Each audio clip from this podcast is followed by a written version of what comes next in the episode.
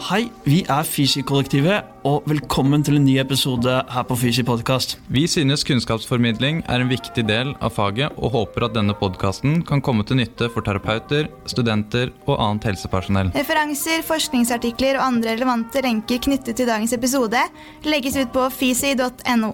Følg oss gjerne på Facebook og Instagram. Der har vi ukentlig quiz og deler relevant fagstoff.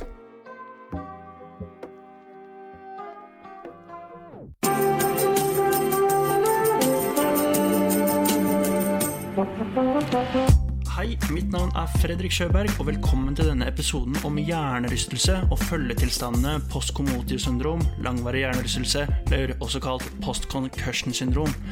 Denne episoden er delt inn i to deler.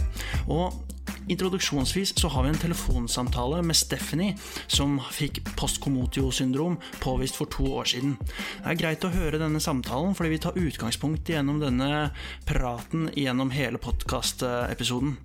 Så eh, len deg tilbake, og så håper jeg at du lærer noe. God lytting.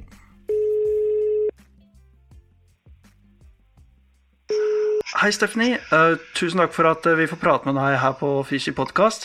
Uh, aller først så lurer jeg litt på, eh, sånn veldig kort, det bør jo ikke gå i noe detalj, men hvordan var det du fikk post-Komotio-syndrom?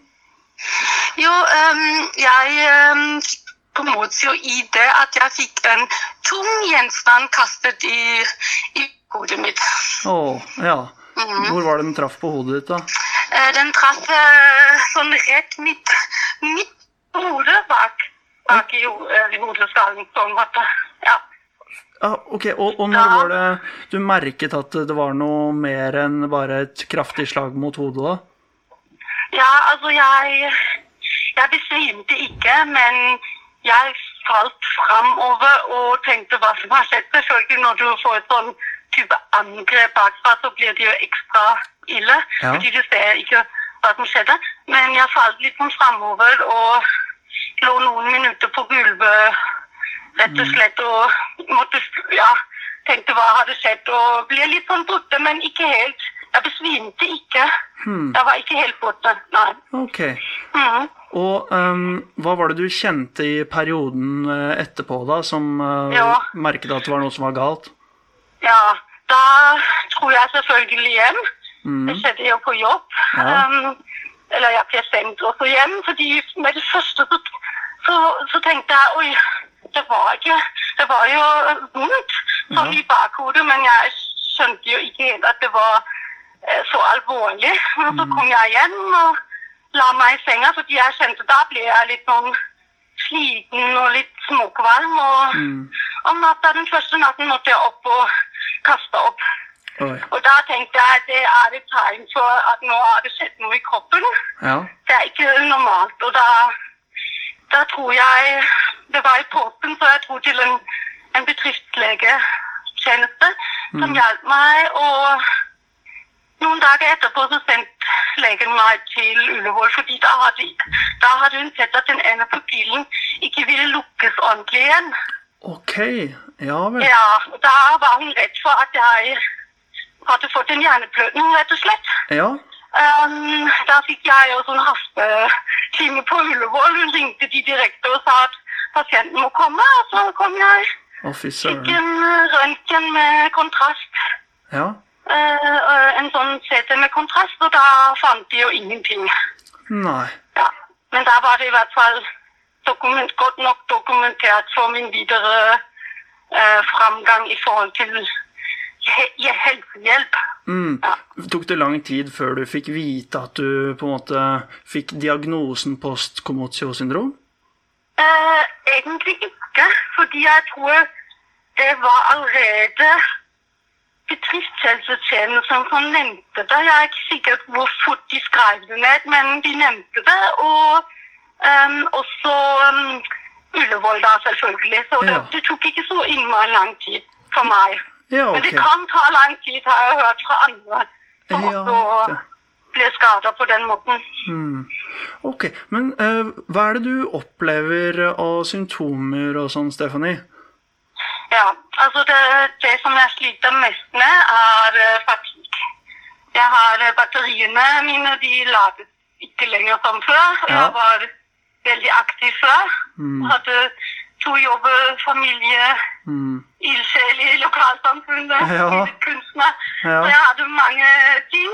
Mm. Men uh, det, alt er bare lagt på is, Ja. fra den nødvendige familie, på en måte. Ja. Um, så fatigen plager meg mest, men jeg har fått en rekke symptomer. Jeg har fått tinnitus Ja. etter det. Det hadde jeg ikke før. Så det plager det er også veldig plagsomt i perioden. Så har jeg fått sam samsynsproblemer, så jeg måtte til en, en, spes en spesialoptiker. Okay. En, ja, som hjalp meg med terapeutiske øvelser i forhold til samsynet mitt. Ja. Som da sikkert pga. det slaget også blir forstyrret, så, så har jeg fått uh, søvnproblemer etter det. Det kom okay. ikke med en gang, men det kom, og det er også et symptom. Ja. Jeg har dessverre pga. hvordan det skjedde, også fått uh, posttraumatisk stressyndrom. Og det er også veldig vanlig for mange med postkommotie, fordi et eller annet har jo skjedd med de Ja. i en situasjon. Mm. Så om det er en trafikkulykke eller sånn som med meg eh, ja, på jobben, rett og Ja. slett. Ja. Og da, er det også, da kan man også få rett og slett mareritt om natta om situasjonen, eller ja. Så det har jeg fått. Ja, fy søren. uh, mens vi snakker nå, så er jo du og går en tur i Østmarka. Og jeg har jo sett på Instagram-profilen din at du uh, driver med masse sånn billedkunst fortsatt. Uh, har det vært en lang vei dit, eller? Um, veien til Østmarka er alltid kort for meg. Ja. jeg bor i Østmarka, men um, jeg må si at det å gå disse turene hver fra omtrent uke én Altså, jeg gikk ikke sånn med en gang igjen, men jeg gikk sånn ganske raskt på tur igjen. Og jeg tror å bevege seg, gå på stier, ulendt terreng og bruke kroppen litt. Selv om på de, altså jeg, noen ganger så skjønner jeg på de første ti skritt I dag blir det den lille runden, Stefanie, sier jeg sånn til meg. Fordi jeg er så sliten. Ja. Altså Kroppen sier ifra på de første skritt hvor langt jeg kan gå. Men jeg kan nå Jeg har gått opp til 5000-6000 skritt, og det er mye for meg nå. ja.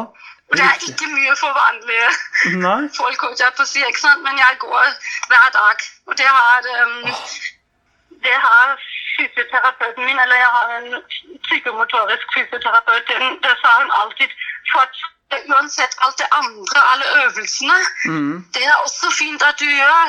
Mm. Men gå på tur, gjør det, fordi da kommer du ut, du får dagslys, du får luft, du, ja, du beveger deg på litt andre måter. Du ligger ikke i sofaen hele dagen. Nei, ikke sant. Ja. ja, det har jeg også virkelig troa på. Eh, hvis eh, Helt avslutningsvis, hvis du, Ja. hvis du har lyst til å si noe til noen som nylig har fått post-commotio-syndrom, hva, hva, vil du- hva ville du sagt til de? Det var et vanskelig spørsmål, men altså, jeg vil eh, i hvert fall si ta det alvorlig og du har fått en hjernerystelse. Mm. Ikke, ikke tenk at jeg må presse meg tilbake hvis du ikke kan. Altså Hvis du føler at kroppen sier det fra, så tror jeg man må ta det alvorlig. fordi det har jeg hørt, at folk presser seg for, for hardt, og da går det i hvert fall feil vei. Ja. Eh, kanskje den beste, beste, det beste tipset er litt til kroppen din. ja. Det er det beste tipset egentlig, fordi kroppen sier om den alt det andre eller ikke. Ja. og hjernen og, ja, og kroppen henger jo sammen. Vi er jo ett, og da er jo også Ja. psyken en del. ikke sant? Altså Hvis du føler at du har fått deg et skikkelig trøkk med det ulykke som har skjedd deg, Mm. så gå og snakk med noen. Prøv å, å, å prate om det og si fra hvordan du føler deg. Fordi jeg tror det, mm, det forskningen viser nå sånn i USA, de sier ofte at postkomotio henger ofte sammen med mm, underliggende mm, ja, ikke psykiske problemer, men at folk har kanskje strevd med et eller annet i, i en tid før det også. Så det, jeg følte ikke det for min del, at jeg strevde så mye. Men ikke sant, du vet aldri hva som er underliggende, hvorfor det ikke blir helt bra. Mm. Det, er vel, åh, det, var, det var veldig godt sagt, uh, Stephanie. Ja, og så en, en ting til. Um, hvis du skal søke hjelp, så er det veldig veldig forskjellig, og det er veldig trist, føler jeg, i forhold til helsevesenet, hvilken hjelp du får, hva slags hjelp du får. Fordi jeg har en fastlege, hun er kjempehyggelig, men hun hadde ikke noen peiling på postkommotion. Hun sa det rett ut. Jeg kan jo om folk med fatigue og utmattelse. Det har hun hatt pasienter. Ja. Men, men um, postkommotion, det kunne hun ikke så mye om. Men det hun seg litt opp på, ikke sant? Men, Ja. altså, og da er det, jeg føler det er så veldig hvis du møter lege eller behandlere med kunnskap, Mm. så er du jo med en gang mye bedre ut av det hele. Men hvis du møter folk som vil eksempel også nekte det kan jo ikke ha altså, Du kan jo ikke ha vært så dårlig en hjernerystelse. En Ikke Og da, da, går du, da, da tar det så innmari lang tid. Og så, og så blir man ikke Mm. altså blir ikke skaden anerkjent. og ja. Ja, ja det, er en veldig, det er et veldig viktig eh, aspekt du tar tak i der. Og vi får prøve da, så godt vi kan å lage denne Ja. podcast-episoden, så flest mulig helsepersonell kan få høre det, og kanskje, kanskje lære litt mer om denne tilstanden som mannen i gata ikke kan så mye om. Nei, det er veldig, veldig viktig. Det, det tror jeg veldig mange blir takknemlige for i, i vårt postkommotio-miljø, og det er faktisk ikke så lite eh, som man tror. Altså, alene i den gruppen vi har på Facebook, så er det sånn rundt 500 stykker som er med, og jeg tror det, det tallet er mye, mye større, fordi ikke alle vil delta i sånne grupper og sånn, eller, ja. Ja, det tror jeg òg. Mm. Mm. Så det er veldig fint at dere setter fokus eh, på det, og behandlere, terapeuter, og de, de kan sikkert lære mye. Kjempe, kjempebra, Stephanie. Tusen takk for at eh, vi fikk eh, ta og høre litt hvordan du har hatt det og, på Fysi podkast. så, så har vi et lite utgangspunkt for praten vår i dag. Herlig. Takk. Tusen takk. Ok, ha det bra. Ja, ha det. Fem, fire, tre, to, én. Takk for at du har tunet deg inn på Fysi podkast. Og i dag så har vi en helt eh, spesiell kul episode. Vi sitter med skallebank hjernerystelse-gutta Lars Martin Fischer. Og velkommen tilbake, Narve Bjørneseth. Hei sann. Hei, hei. Ja, I dag så skal vi snakke om eh, hjernerystelse. Og i eh, introduksjonen til denne episoden så hørte vi på eh, telefonsamtalen med Stephanie. Og eh, umiddelbart når dere hørte denne samtalen, eh, hva, hva, hva tenkte dere da? Altså, det er jo øh, mye der som er gjenkjennelig i forhold til øh, PCS, og det er Det er ikke uvanlig at man kan slite lenge. Eh, og særlig dette her med fatigue og hodepine er jo veldig, veldig vanlig, eh, som hun, øh, hun nevnte. Um, og så syns jeg det var, det var jo fint at hun hadde blitt uh, utreda og sånt, da. For det er jo det aller viktigste når hjernerystelsen først skjer, at man sjekker ut rød flagg, at det ikke er en hjerneblødning eller en skallefraktur, f.eks. Ja, Hun var litt sånn inne på eh, litt sånn terminologien der. Post-commotio-syndrom. Post betyr jo egentlig etter. Og commotio det er egentlig definert som en violent shaking eller jarring eh, og, av skallen, da, i dette tilfellet. Ja, hun fikk jo e- et eller annet form for slag mot bakhodet, sånn hun beskrev det i hvert fall. Mm, eh, og, og definisjonene spriker jo litt, men, men uh, det går jo på at hjernen beveger seg inni skallen pga. en ytre kraft. Men det trenger jo ikke nødvendigvis være mot hodet, det kan være mot kroppen, eller du kan prøve å holde igjen for et eller annet. Så det går rett og slett på at hjernen bremser treigere enn det rundt. Og så ender du opp med at, at hjernen strekkes, da, at nervecellene blir de, de endrer formen et lite øyeblikk, og så åpner de for at det skal komme masse stoffer, bl.a. kalsium, som eh, egentlig bør være på utsiden. Det trenger inn i cellen, og så begynner kaoset. Ja, Der er vi litt sånn inne på patofysiologien også. Eh, men før vi kommer helt uh, dit, så var det jo litt sånn I, i forløpet til uh, Stephanie her, så fikk hun da dette slaget mot hodet, og så dro hun hjem fra jobb. Og så var hun liksom litt sånn Hun var litt uh, dårlig, hun følte seg litt sånn uggen i kroppen. Men hun hadde, hun hadde ikke besvimt, og hun, hun kastet opp uh, på natten. Uh, ofte så leser man jo da uh, på nettet at uh, når man får en hjernerystelse, så er det gjerne en besvimelse i det her. Og hvordan, hvordan kan man liksom plukke opp at, at det her er en, en, en hjernerystelse som kan bli noe mer? Altså det er jo viktig å være klar over at eh, så mange som 90% av hjernerystelse er ikke med bevissthetstap. Og, og det står jo på en del definisjoner også, at eh, hjernerystelse er med tap av bevissthet. Og, så der er det jo en oppdatering som har kommet på kunnskapen mange steder. Så, og de trenger ikke ha veldig mye symptomer heller initielt. Eh, Men de kan komme litt eh, utover de nærmeste dagene og bli liksom markante. Da. Så, så er det et eh, slag, eller, og det kan jo også, som Narve var inne på, være en akselerasjonsskade. eh, En kraftig nakkesleng f.eks.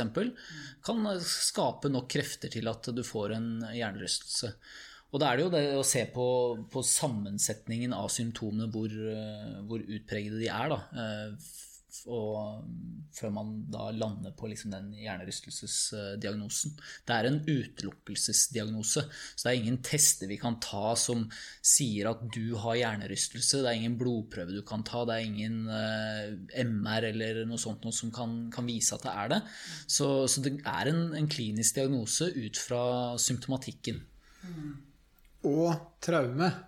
Det er jo litt viktig å understreke òg, at hvis, hvis du Det er ganske mange eksempler, spesielt innenfor idretten, hvor man har fått en hjernerystelse, men det ser ikke ut som det var et spesielt hardt dult eller traume noe som helst ute på banen. Og så snakker man med spilleren, gjør ikke Kanskje ikke de, de tiltakene som er anbefalt å gjøre. Sjekke de med SCAT5 eksempelvis, eller bruke King Devic eller noen andre av disse testene som man har tilgjengelig. Og så sier spilleren 'nei, men jeg føler meg fin'. Og så slipper man de ut på banen, og så er kampen ferdig, og så kommer symptomene. Ja.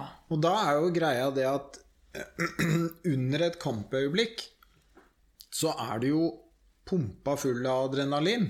Du skal jo vinne. Altså, du, er, du er ikke med på et lag fordi du skal tape, du er med på et lag fordi du skal vinne. Ferdig. Og hvis det er en én-til-én-idrett, så er det det samme. Du går jo ikke på matta fordi du er innstilt på å tape. Du skal vinne. Og det innebærer at du er i krigsmodus. Og da har vi adrenalin da, til å hjelpe oss med det. Større pupiller og sterkere muskler og hopper høyere og løper fortere. ikke sant? Og skjuler alt som er gærent. Det er jo veldig viktig. Adrenalin kommer jo også hvis det brenner i huset og du skal komme deg ut. Ja, klar, det er en skikkelig sånn overlevelsesgreie, egentlig, som kicker inn selv i idrett. eh. Ja, ja, ja. Altså, det Så er det jo selv liksom når du ser noen ganske heftige smeller og tenker at her må det ha gått gærent, så er det kanskje ikke en hjernerystelse heller. øh, Og det er jo fordi at en av de tingene som faktisk beskytter mot øh, hjernerystelse, det er nakkestivhet. Sånn at hvis du ser at en takling kommer, eller det er du som takler, eller er liksom forberedt på at her kommer impactet, så rekker du å, å brace og stå imot, og det beskytter øh, hjernen vår en god del. Verre er det liksom når du får, øh, får det, den, han i dødvinkelen du ikke ser, eller ja. får en metallstang i bakhuet. Ja, som i Stephanie eh, sitt tilfelle, hvor hun fikk eh, uforventet eh, et objekt i bakhodet. Ja. Men det- så det, det er jo litt sånn viktig at man vet om det har vært et traume eller ikke. Med Stephanie så vet vi det. Så da er det en, en definisjon, og bare ut ifra hva hun beskriver, hardt smell, umiddelbar desorientering, da har hun hjernerystelse. Ferdig. Da trenger du ikke diskutere den diagnosen. Da vet vi det, at det var hardt nok til at hun ble desorientert og fikk hjernerystelse. Er det, eh, så i dette tilfellet så var det da eh, en CT som ble gjort i etterkant, da den ene pupillen eh, var litt, litt den, hadde ikke en normal refleks når legen tittet på det her, da. Er, det er det vanlig at folk går og tar bilde av hodet for å utelukke Og er det en slags prediktor for om det her kan bli en langvarig sak eller ikke? Det har ingenting å si for, eh, for PCS eller eh, hjernerystelsesdiagnosen som sådan. Det er for å avdekke andre ting. Så, så det vi har eh, Det som vi vet om PCS, eller de som, det som gir økt risiko for det, det er jo faktisk ikke så fryktelig mye, men vi vet at eh, tidligere historikk med psykisk sykdom det øker risikoen. Og så vet vi også at uh, i hvor alvorlige symptomer de har i, starten, også øker risikoen for at man utvikler PCS. Jo flere og jo verre symptomer du har, jo større sjanse er det. Ja, riktig. Uh, typisk hva er ille symptomer å ha etter en hjernerystelse? Der, der, er det jo det, det, man ofte bruker, er jo en, en symptom, symptom severity scale, som er en, en den skalaen som ligger inne i SCAT5, som jeg snakket om i stad. Mm. Eh, og det er jo spørsmål på alltid fra humør til fatigue til hodepine, svimmelhet, tåkesyn om du ikke føler deg bra. Sånn at der er det veldig mange spørsmål som egentlig dekker alle aspekter av, av klassisk fysisk eller psykisk eh, symptom.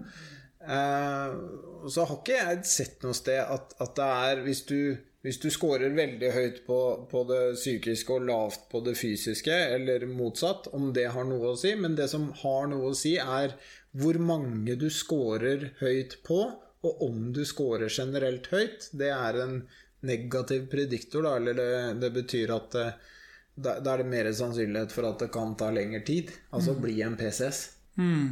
Ja, hvis vi bare tar det uh, eh, PCS uh, uh, eller postkomotio-syndrom eller post-concussion-syndrom eller langvarig hjernerystelse Først så må det være en hjernerystelse. Men når er det man kan si at det har gått over i postkomotio-syndrom?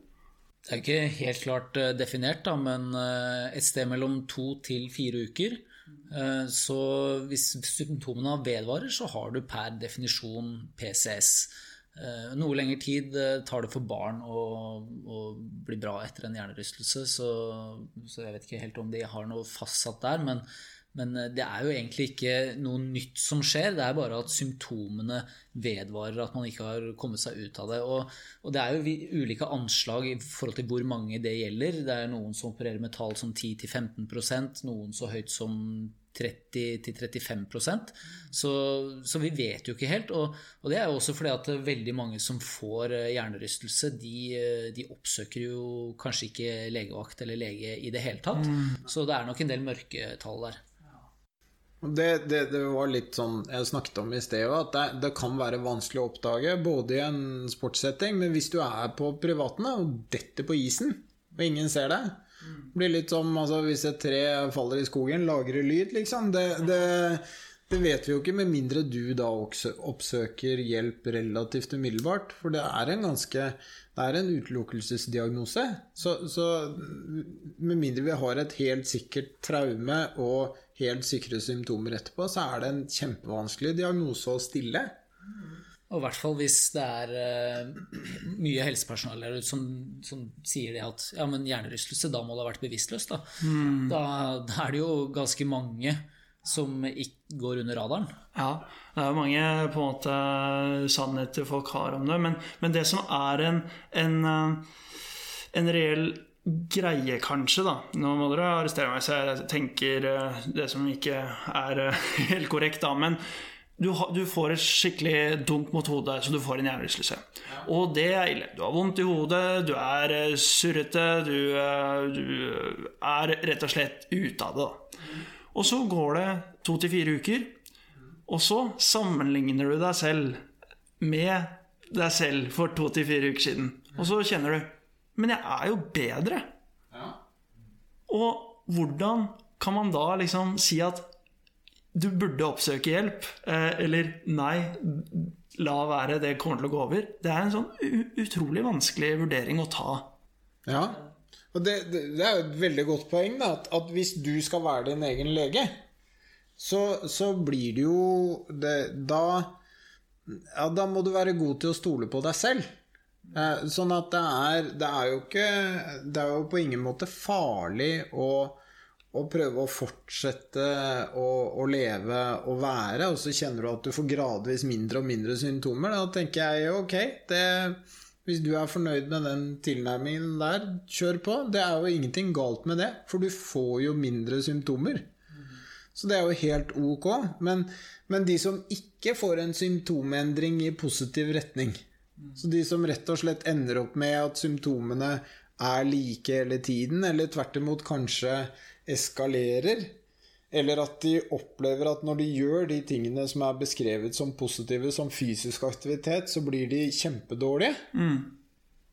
Da, er det, da er det lettere å komme inn i kanskje et negativt mønster, der man ikke tør å gjøre så mye, ikke tør å utfordre, isolerer seg i, både i forhold til bevegelse og sanseinntrykk, og så ender du opp i en veldig negativ spiral. For du trenger bevegelse og sanseinntrykk for å komme ut av PCS også. Du må stimulere nervesystemet for at det skal kunne tåle den belastningen som det å leve faktisk er. Og så syns jeg det er kanskje viktig å få frem også, selv om det er litt på siden av hva du spør om, Fredrik, men eh, at jeg skulle gjerne snakka med vedkommende enda tidligere. Et par dager etter at de fikk smellen, for det, da kan jeg gi de gode råd om hva de kan gjøre for å minimere risikoen for at de får PCS, hvis de kommer i gang med, med rettede tiltak. Og det er jo dessverre sånn at vi ser mange uh, som får uh, råd om å holde seg i ro, ikke gjøre noe før symptomene går over. Uh, lukke seg inn i et mørkt rom, unngå alle ting som, som trigger. Og det vet vi nå at det, det øker risikoen for at du får langvarige plager. Det er jo mange uh, utfordringer også med at fordi, uh, Hvis man uh, tar det litt tilbake til Stephanie Hun har fått hjelp av veldig mange forskjellige og sikkert veldig flinke helsepersonell. Og det er jo kanskje ikke unormalt at man både ser en nevrolog, en optiker eller øyelege, man ser kanskje en psykolog, man Uh, ser til og med en fysioterapeut. Og man er litt avhengig av at uh, folk er samstemte i den, uh, i den dansen der. Da. og det er jo en reell utfordring, da. Men hvis vi tar det litt til fysioterapien, og vi tar det litt i Stephanie, bare for å prøve å konkretisere det litt. hvis vi ser på noen av symptomene hun beskriver, som fatigue, tinnitus, samsyne, søvnproblemer, posttraumatisk stressyndrom. Hva er det fysioterapeuten kan hjelpe til med her? Alt. Ok, Skal vi starte på toppen? Nei, men det, det, høres jo litt sånn, sånn hårete ut, men det er fordi eh, ved hjernerystelse, hvis det er en ekte hjernerystelse, så har vi relativt god oversikt over patofysiologien. Som jeg nevnte innledningsvis, så, så, er jo Det som skjer, er at hjernemassen beveger seg. Og den beveger seg i forhold til seg selv. Altså den grå og hvite massen sklir oppå, oppå hverandre. Eh, og det gjør da at, at nervecellekroppen, aksonene, de blir strukket. Og med en gang du strekker en celle, så er ikke lenger kroppen intakt. Da, ikke sant? Altså, da blir det hull, det blir åpninger. Og du får en gjennomstrømning av, av stoffer, stoffer, som skal være i cellen selv. Og så kommer det stoffer utenfor som søker inn i cellen. Og et av, et av de stoffene som det hoper seg opp mye av i selve nervecellen, er kalsium. Og kalsium fortrenger da oksygen, og så er det noe annet kalsium gjør, og det er at den eksiterer nervecellen, så den oppmuntrer til å aktiveres. At den depolariserer litt sånn, ja. Uh, ja. Så den sier jo masse kalsium inn, bom, send et signal til en kompis. Mm. Så rett etter en hjernerystelse så er det jo beskrevet det at du, at du nærmest får et epilepsianfall light. At du får en bølge av informasjon som i løpet av veldig kort tid har gått gjennom hjernen. Derfor det du ser av nevrologiske eh, utfall rett etter en smell, varer som regel bare noen sekunder. Sånn at du dunker hodet, og så er det ustø to-tre skritt, og så er du fin igjen. Fordi da er jo ikke denne kaskaden der, men den akkumuleringen av kalsium, den er der, og da begynner en prosess inni cellen hvor cellen er ikke interessert i å ha masse kalsium inni seg selv, så den prøver å pumpe det vekk. Men kalsium er fortr- fortrengt bl.a. oksygen, og da ender det opp med at ATP-en som skal produseres for å drive og pumpe disse ionepumpene som, som prøver å få ut kalsiumet, at de må begynne å jobbe anaeropt. Og det er dyrt. Ja, det er dyrt. Vi veit jo det at du klarer ikke spurte like lenge som du klarer å kjøre langkjøring. Det er jo en grunn til det, at du trenger oksygen for å forbrenne energi og, og lage ting enkelt. Og da begynner vi på den nedadgående kurven i forhold til nevrofatigue. Du har noe som krever masse energi. Det koster masse energi å lage den energien. Du får en energikrise. Og da begynner du å bli slapp og sliten og få nevrofatigue. Og det kommer etter hvert. Så det vil være verre antageligvis på kvelden og dag én eller to enn det det er rett etter smellen. Hvor du egentlig kanskje føler deg ganske bra. Så, og så vet vi jo det at uh, blodtilstrømmen til hjernen blir også nedsatt. Uh, så, og det, det som du nevner, da, Narve, det er jo noe som også pågår etter at uh, man er symptomfri.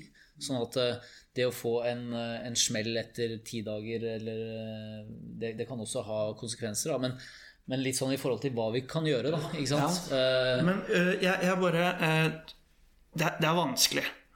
Kan, kan vi oppsummere en gang til hva som skjer? Det er en, det er en ubalanse i ionene som uh, skjer når du får en, uh, en hjernerystelse. Og denne ubalansen uh, gjør at hjernen uh, må jobbe, må bruke, må bruke mye mer energi for å operere. Men der var det et sånt eh, Det er kanskje bare jeg som ikke fulgte helt godt med. Men der var det et gap eh, med mye uttrykk. Ja, ok. Eh, I nevronet så har du da natrium- og kaliumpumper som sitter i cellemembranen, som skal, skal pumpe ioner ut av cellen og inn i cellen og osv. Uh, og mitokondriene, som er på en måte kraftverket i cellen, de produserer da ATP, samme energimolekyler som muskulaturen din bruker. da. Eh, Og, å, og det koster jo energi å, å gjøre det. Og, og i hjernen så er det et, eh, et eh, Det er ikke et uendelig, utømmelig lager med det. Så, så ender fort i energiunderskudd. Da.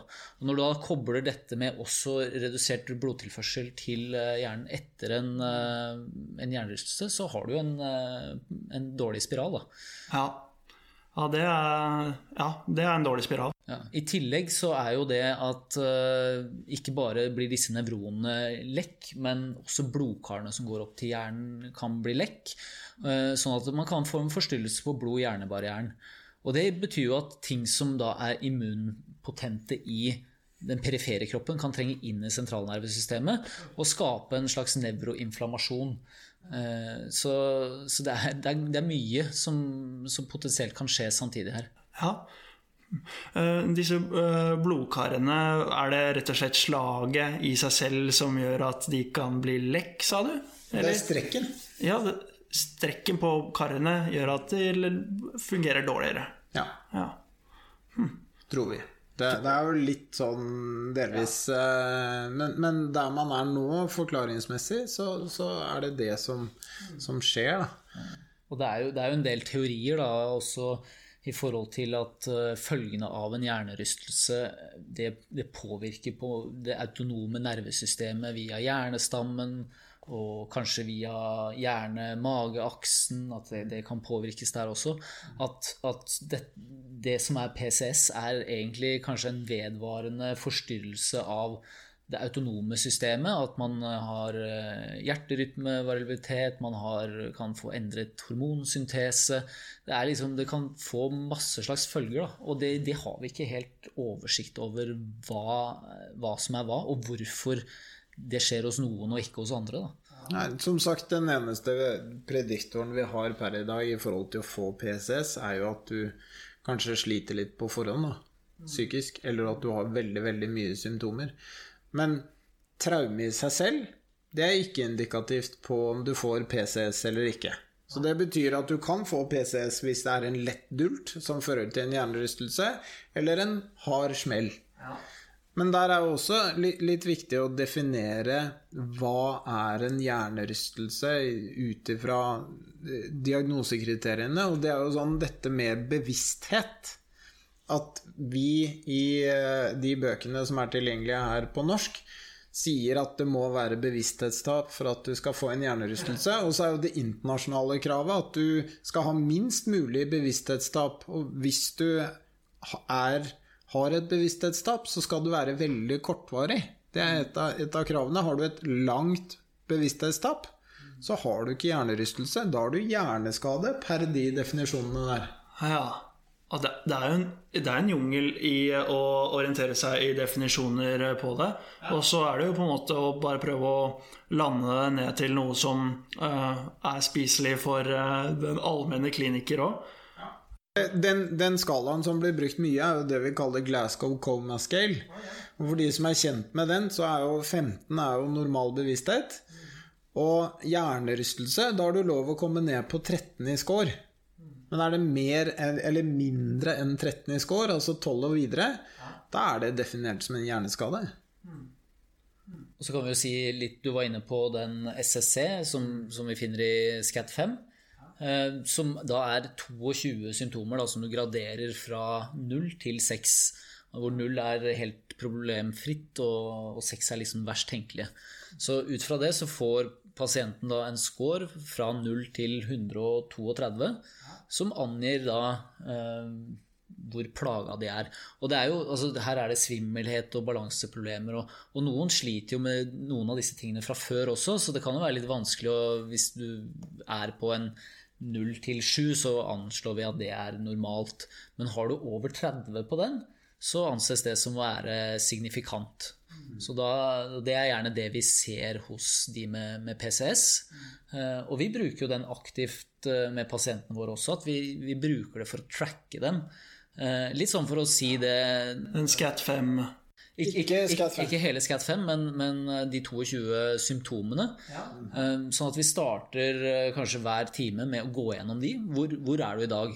For det er jo litt sånn ja, Hvor er jeg i dag, og hvor var jeg for en måned siden? Og, og, det å tracke om man faktisk blir bedre, ikke sant? eller synliggjøre det for pasienten at de kan kanskje føle at dette her tar veldig lang tid, eh, jeg blir aldri kvitt det, så kan vi kanskje vise at ja, men? Her i september så var du på 50, nå er du på 40. Det går rette veien. Ja, det her er, det er nyttig. Så uh, dere bruker altså da denne listen med symptomer i SCAT5 ja. Og, så, og, så, går dere litt igjennom og, og, kan på en måte falle tilbake på og, evaluere hvordan progresjonen er. da. Mm. Det er ett problem med den listen, og det er at stort sett alle pasienter tror at de skal til null. Ja, ikke sant. Det er ingen friske som scorer null. Nei, og i hvert fall ikke vi. Nei, men det, det, er, det, er, jo litt interessant at, at uh, en pasient har jo en tendens til å overvurdere hvordan ting var før noe skjedde. Så, ja. så det, det, kan hende at de, de, de scorer seg selv, eller har en, et ønske om å bli scoret perfekt. Mens perfekt er egentlig noe som ikke er normalt. Hva er det heter? Good old day bias? Ja.